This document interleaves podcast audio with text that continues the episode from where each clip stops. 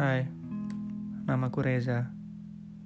Di podcastku kali ini, aku akan banyak mengisinya tentang puisi-puisi cinta yang akan mewakili hati teman-teman semua. Selamat mendengarkan.